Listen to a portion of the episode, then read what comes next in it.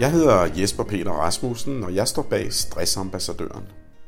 Jeg har samlet i alt 16 vigtige råd omkring behandling og forebyggelse af stress, som jeg vil dele med dig, da jeg tror og håber på, at min råd vil kunne gøre en forskel for mange mennesker og forhåbentlig også for dig. Hos Stressambassadørerne arbejder vi med at forebygge og behandle stress.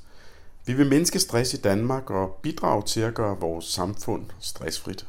Visionen er at skabe en hverdag, hvor alle lever i balance med sig selv og hinanden. Vi tror nemlig på, at vi bliver mere glade og får bedre livskvalitet, bliver dygtigere og bedre medarbejdere eller ledere, forældre og kærester med et liv uden stress. Vi vil oplyse om stress, da det er et kæmpe sundheds- og samfundsproblem. Og vi vil også gerne bidrage til at fortælle de gode og succesfulde historier omkring stress.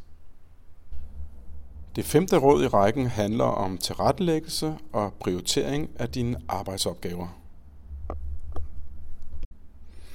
Prioritering af opgaver starter rent faktisk dagen inden, hvor du lige bruger de sidste 10 minutter af din arbejdsdag på at tilrettelægge og prioritere den kommende arbejdsdag.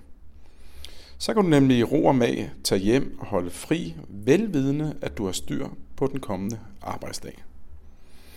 Så du gennemgår morgendagens opgaver og prioriterer det, der er vigtigst og det, der haster først, så du kan lade mindre presserende og mindre vigtige opgaver ligge. Det handler altså om at være i nuet og koncentrere dig om det, du sidder med i øjeblikket.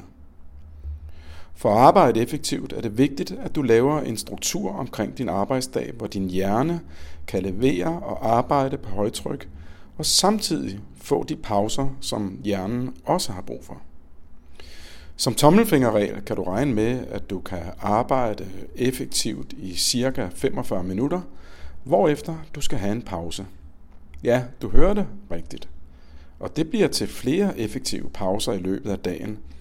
Men det kommer ikke til at gøre den samlede dag mindre effektiv. Og så vil du opleve, at du oven i købet vil have overskud og energi efter endt arbejdsdag. Og du skal selvfølgelig også ro til at arbejde effektivt – så du ikke bliver forstyrret af kolleger og unødvendige e-mails og telefonopkald. Opskriften er klar og enkel.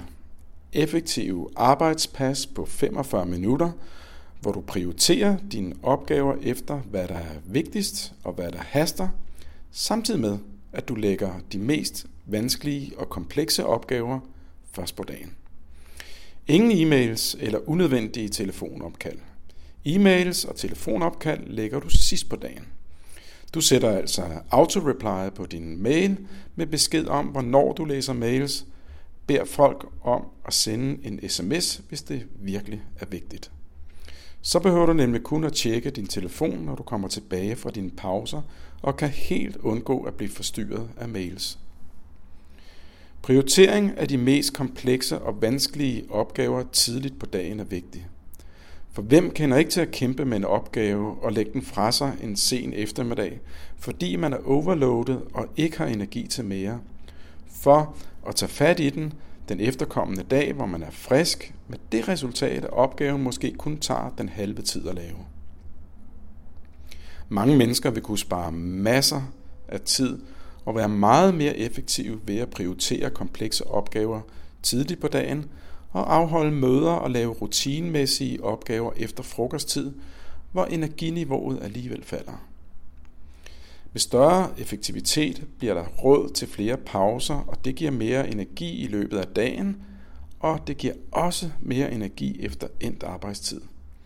Og det er den måde, man vender en negativ spiral til en positiv spiral og rider på bølgen af alle de synergier, der opstår, når vi tilrettelægger og prioriterer. Aktive pauser på 15 minutter. Din hjerne har brug for pauser, hvis du virkelig vil arbejde effektivt.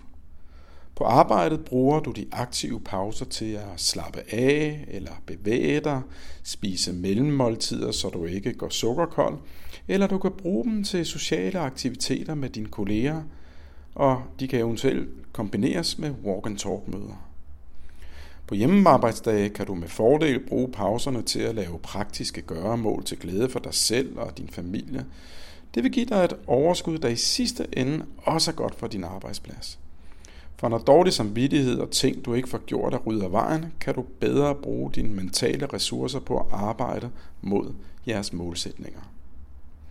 Som forfatter og skribent og i udviklingen af mine online-kurser har jeg selv rigtig mange arbejdsdage, der kræver struktur og organisering, for at jeg kan få noget fra hånden.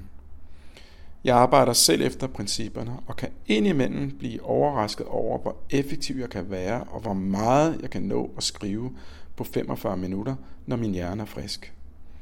Efter jeg er kommet ind i en vis rutine, har jeg fået trænet min opmærksomhed, så jeg selv registrerer, hvornår jeg er ved at blive træt, og dermed bliver ineffektiv, eller begynder på diverse overspringshandlinger. Så nogle gange arbejder jeg 40 minutter, andre gange arbejder jeg 50 minutter, hvilket kan være lidt forskelligt i forhold til dagsformen. Jeg har tidligere ofte undervurderet betydningen af en arbejdsdags organisering, og jeg kan også tydeligt se, at jeg ikke altid har været lige effektiv. Med den rette organisering af min arbejdsdag har jeg opnået en række goder, der har gjort mig mere effektiv, givet mig mindre stress, balanceret min work-life balance til glæde for både mig selv og min familie. Jeg er mere fysisk aktiv i det daglige, og jeg har undgået en del overspringshandlinger og dårlig samvittighed. Så prøv det, og du vil blive overrasket over effekten. Jeg har udarbejdet et program for en effektiv hjemmearbejdsdag samt en effektiv arbejdsdag på kontoret, baseret på, hvad hjernen kan holde til af belastninger. Du kan læse artiklerne i sin helhed på stressamp.dk.